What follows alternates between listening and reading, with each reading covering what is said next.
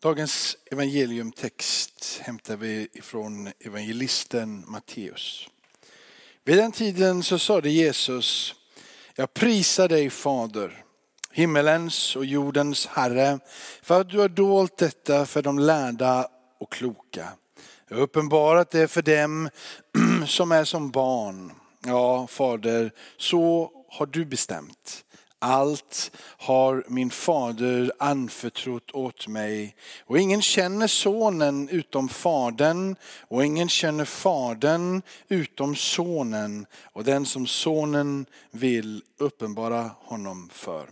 Så lyder det heliga evangeliet. Lovad vare du Kristus. Amen. Jag brukar ofta bara predika men jag känner jag behöver be idag. Jag är lite ofokuserad en, en, praktisk fråga som har dykt upp i huvudet som gör att jag bara känner att, eh, att eh, man, det är inte lätt att fokusera på, vem, på allting ibland. Ibland så kommer man och man har ett bekymmer där och ett bekymmer där och eh, något bekymmer rakt framför dig och vad det nu må vara. Eh, då kan vi bara be en stund och få igenkänna att vi har sjungit lovsång som jag, jag, bara, jag måste få, få be tillsammans med. Jag tackar dig Fader i himmelen att vägen här framåt, eh, den eh, stakar du ut Herre. Att vägen framåt så du vet allting om allt Herre. Och vi eh, får förlita oss och förtrösta på dig i stort i smått Herre. Och vi lägger så ofta saker och ting i dina händer och idag så vill jag från djupet av mitt hjärta få lägga det som handlar om praktiska saker Herre i dina händer Herre. I dina eviga händer, i dina allsmäktiga händer. Du den störste, högste, härskarornas Herre, du som tronar på din, från evighet till evighet. Så högt upp över alla att du är, på ett sätt är onårbar. Men att du också är så närvarande, så djup som haven är. Dina armar är inte för korta utan de sträcker sig ner hit till jorden Herre. Och vi vet att du är här för att att leda, hjälpa, stödja. Och vi ber Herre, var med.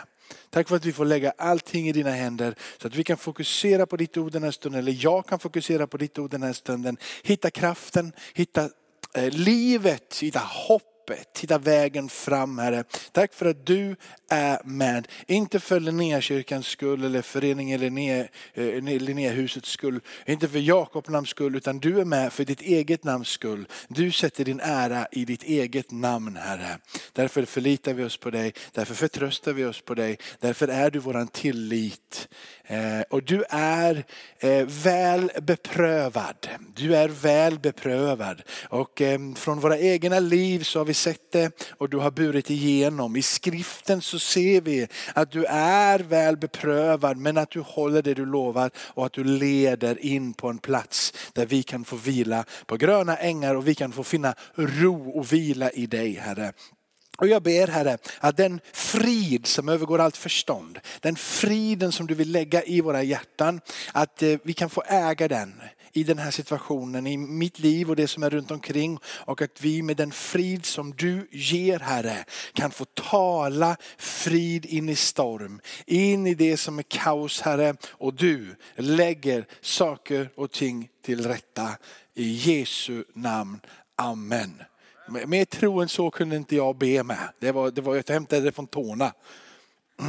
Men du, för att nu, nu släpper jag det. Nu går jag på autopilot. Nu släpper jag det bara. Så, och så, så tänker jag så här att Gud är bra mycket större än allting. Trefaldighetsdagen, den heliga trefaldigheten, så resan efter Jesu födelse, Jesu död, Jesus uppståndelse, in i det som eh, blir Kristi himmelfärd, in i det som blir pingsten. Och då är hela det uppdraget som Jesus var sänd av Fadern att göra fullbordat. Och då stiger vi in i den tiden som blir din och min tid. Hur lär vi oss då? Eh, ifrån Jesu undervisning. Hur lär vi oss ifrån Jesu liv och det han säger? Att leva ut det livet som han säger. Hur tar vi an den befallning som han ger oss? Hur lever vi det uppdrag som han kallar dig och mig in i?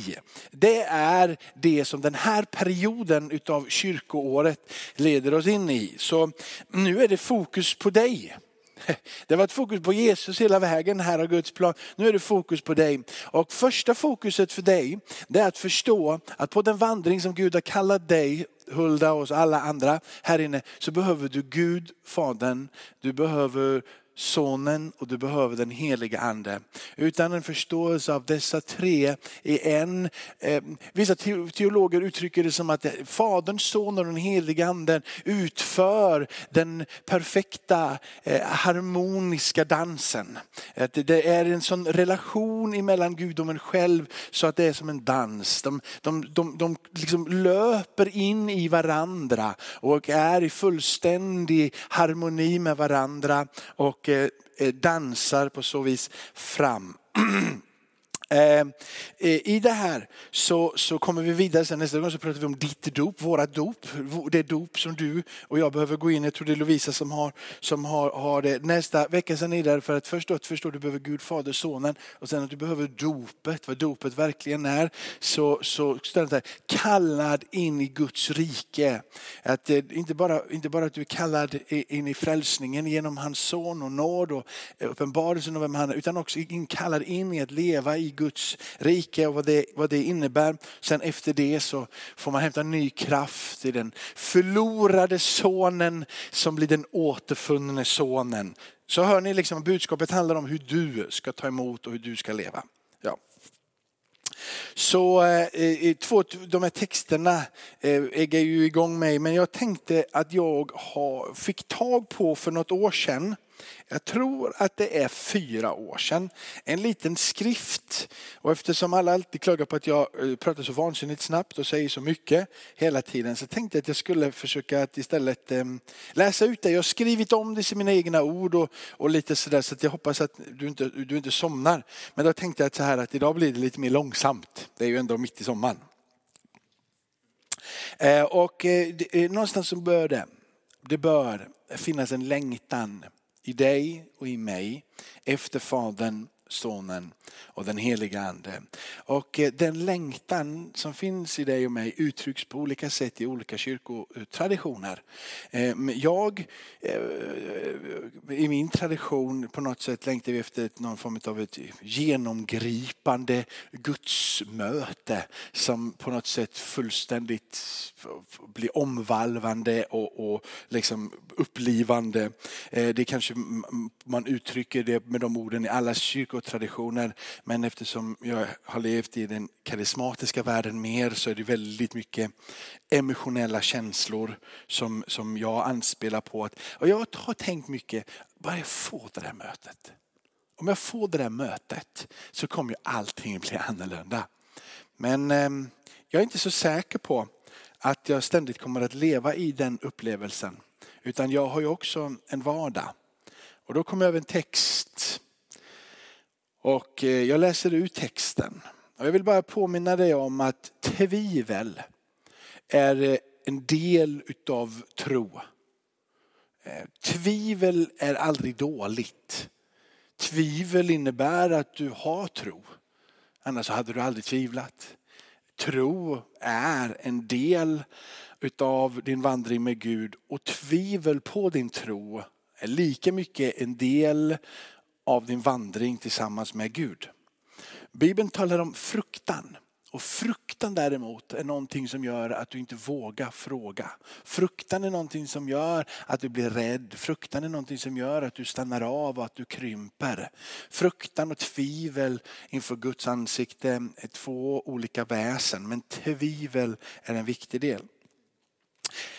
Det finns många människor som inom sig bär en längtan. Att någon gång få vara med och få uppleva något så genomgripande, verkligt att de aldrig någonsin igen behöver tvivla. Tänk att få uppleva en förklaringsdag när de Jesus, eh, lärjungarna lärjungarna fick vara med Jesus uppe på förklaringsberget. Där de fick se Gud så tydligt. Och att du och jag fick se Gud så tydligt. Att tillvaron och de olika saker som kommer, helt enkelt alla pusselbitar bara faller på plats. Eh, det var en man, en trogen kyrkobesökare och han eh, var alltid i sin församling. Han älskade sin församling, han älskade sin kyrka. Men han hade ett stort problem. Och det var någonting som plågade honom ständigt och jämt. Det var så mycket som var bra, men det plågade honom. Han eh, längtade ständigt efter detta genomgripande upplevelsen utav Guds närvaro och Guds ledning. Han hade läst om det, han hade hört talas om det och han hade hört berättelser om det. Hur Gud blev tydlig, uppenbarade sig på ett sätt som gjorde att de aldrig tvivlade mer. Hela bibeln är ju fylld av sådana berättelser, tänkte mannen. Han tänkte på Mose och den brinnande busken i andra Mosebok kapitel 3. Hur Gud talade i en brinnande buske. Hur Gud uppenbarade sitt heliga namn för honom. Mose behövde aldrig mer tvivla om Guds makt och Guds härlighet. Den levande guden sökte upp oss och räddade oss. Det vill jag vara med om. Han frågade sig mannen, varför uppenbarar sig inte Gud för mig? Varför gör han inte det på det här tydliga sättet? Tänk om man fick se en brinnande buske, tänkte han. Tänk om man fick höra Guds röst tala ur eld mitt framför. Alla problem skulle ju då vara borta. Det skulle vara så lätt att tro. Allt skulle bli förändrat. Varför får inte jag se? Varför får inte jag se en brinnande buske? Men så fick han en idé. Han visste att Gud hade uppenbarat sig för så många människor på så många platser genom åren så han beslutade sig för att åka dit. Han började med att åka till England och Abersgate Street där den kände John Wesley så påtagligt kände Guds närvaro och blev förvissad om att Gud kallade honom. Han fortsatte till Tyskland och Wittenberg där Martin Luther fann sanningen om tro och rättfärdighet. Där han hade fått skåda himmelens härlighet. Han bokade en resa till Israel. Han besteg förklaringsberget, han åkte till Nasaret och bebådelsekyrkan och eh, han gick till Golgata och graven ur vilket Jesus uppstod. Där de här små kapellen är byggda eller kyrkorna är byggda. Och han tog bussen ner till Sina i öken. Han eh, besteg själva berget där Gud hade uppenbarat sig för Mose i en brinnande buske. Men han återvände hem.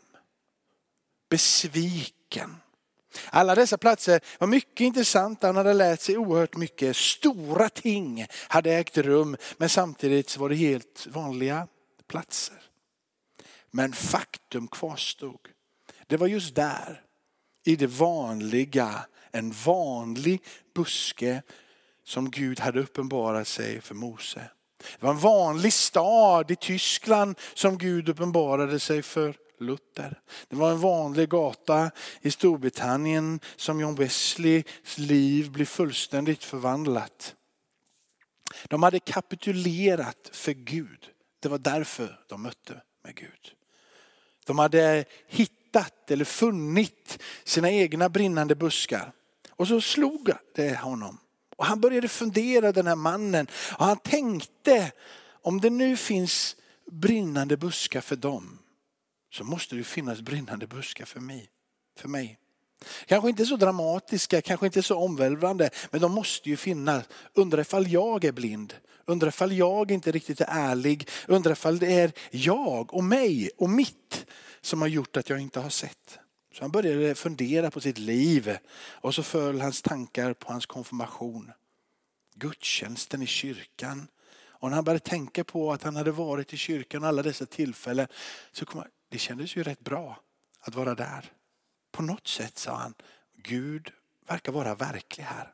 Han tänkte på sin vigsel när Gud hade välsignat honom och hans fru och deras kärlek till varandra. Och han kände någon förnimmelse av Guds verklighet där med. Han kommer ihåg sitt, när sitt första barn föddes. Han kom ihåg tacksamheten till Gud, tacksamheten till livet. Och när tacksamheten välvde över honom så kände han, det finns en Gud.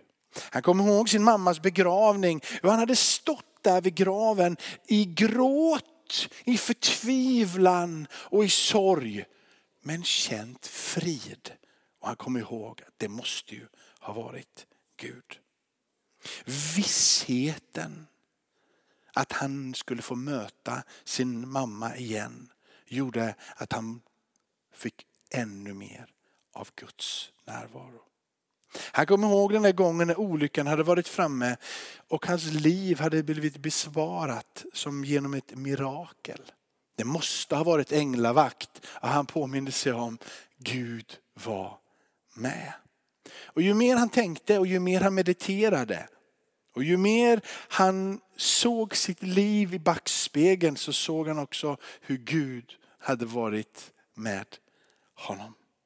Han såg Guds väldiga gärningar. Han mindes hur han hade burits igenom livets sorg och bekymmer. Han bara förundrades och sa, hela mitt liv har varit kantat utav brinnande buskar. Så nästa gång så det var bibelstudium i hans församling och predikanten skulle predika från andra Mosebok kapitel 3. Hon pratade om att Gud ville uppenbara sitt namn och sin närvaro för oss alla på samma sätt som Mose. Så brister mannen ut, reser sig upp och så säger han, vilken buske som helst duger. Det gäller bara att hitta den. Jag tror att den här mannen lär oss någonting om det djupaste i den kristna tron. I det livet som är. Gud är inte alltid det spektakulära. Gud är inte alltid i det ovanliga. Utan jag tror att Gud är i det vanliga. Mitt ibland oss för att leda oss in i de hemligheter som finns i Kristus. Gud uppenbarar sig för oss ständigt och jämt i det vanliga, i det naturliga, på de vanliga platserna. Du har brinnande buskar runt omkring dig. Frågan är om dina ögon är öppna för att se att Gud är verklig i ditt liv just nu här i Linnéakyrkan.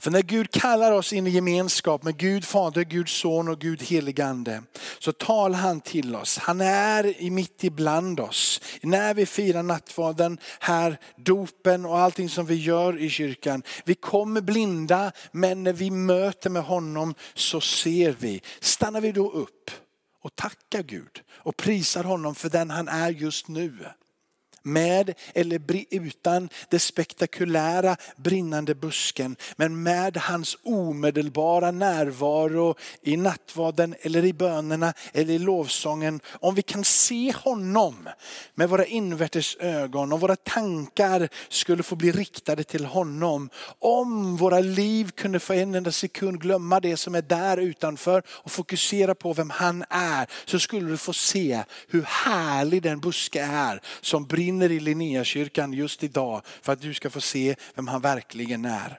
Gud gör stora och han gör spektakulära saker. Han kommer in och han ändrar oordningen som finns och kommer med sin, med sin ordning. Och han vill vara i alla de sakerna men framförallt så är han där när du och jag knäpper våra händer, när vi sjunger våra sånger och när vi möts tillsammans. Gud vill att vi ska vara lyhörda, uppmärksamma. Han vill att vi ska se bättre. Att vi ska höra bättre. Gud vill att vi ska försöka närma oss honom och finna den buske som Gud har lagt i våran väg istället för att söka den som är någon annanstans. För det är där Gud är, där du vandrar fram. Psalm 113 och vers 1 till 6. Nu har jag hållit på i 20 minuter. Ja, då får jag två minuter till då. Halleluja, prisa ni Herrens tjänare, prisa Herrens namn. Välsignat är Herrens namn från nu till evig tid. Den här store guden, från solens uppgång till dess nedgång, prisa hans namn. En uppmaning att ständigt och jämt komma ihåg vem han är. Fortsätta att prisa honom trots uppgång eller nedgång. Han är densamme bestående. I det här bekymret som jag har så är han fortfarande Gud. Och så står Herren är upphöjd över allt folk. Hans ära når över himmelen. Vem är som Herren vår Gud? En fråga. Det är ju han som tronar så högt det är han som ser ner så djupt. Vem är du och vem är som du i himmelen och på jorden? Du som är överallt som du har skapat. Mose visste detta redan. Han säger där uppe är urtidens Gud och så säger han att hit ner då nå dina eviga armar i femte Mosebok. Han är högt över allting men hans eviga armar når ner och vidare dig och mig Stefan den här stunden. Mose deklarerar att dessa är Guds närvaro på jorden. Sonen om det får representera ena armen och anden andra armen var representerad redan då. När Gud gjorde någonting så agerade hela gudomen. Gud fadern agerar med sina händer. I Nya testamentet så kommer Paulus in med djupare förklaringar till det som redan Jesus undervisade och som prästerna sedan med talade ut. Först så sände fadern sonen. Det står så här i första Johannes, den enfödde som själv är Gud och så står faderns hjärta närmast.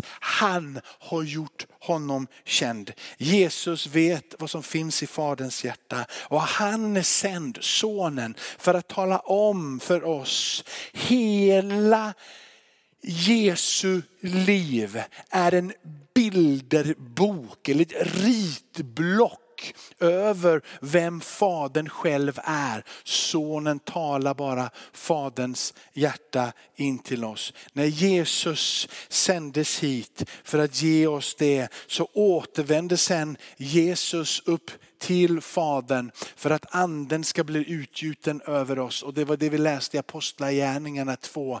När han har, som har, Gud som har uppväckt honom ifrån de döda, när han har stigit upp och var på Faderns högra sida, det ni nu ser är för att han har utgjutit anden mitt ibland er. På samma sätt som den här armen sträcker sig ner ifrån urtidens Gud som Mose uppenbarar i femte Mosebok. Så stiger Gud själv ner ifrån himlen och rör vid oss här på jorden genom sonen och genom anden. Så att du och jag kan vandra i det liv som han har för oss. Den brinnande busken är i ditt liv varje dag någonstans. Du och jag behöver bara se och höra. Amen. Ja, nu var det för lite, 23-24 minuter, det var dåligt paus nu då. Så tar vi, vi stannar där. Jag, jag gasade på lite på slutet.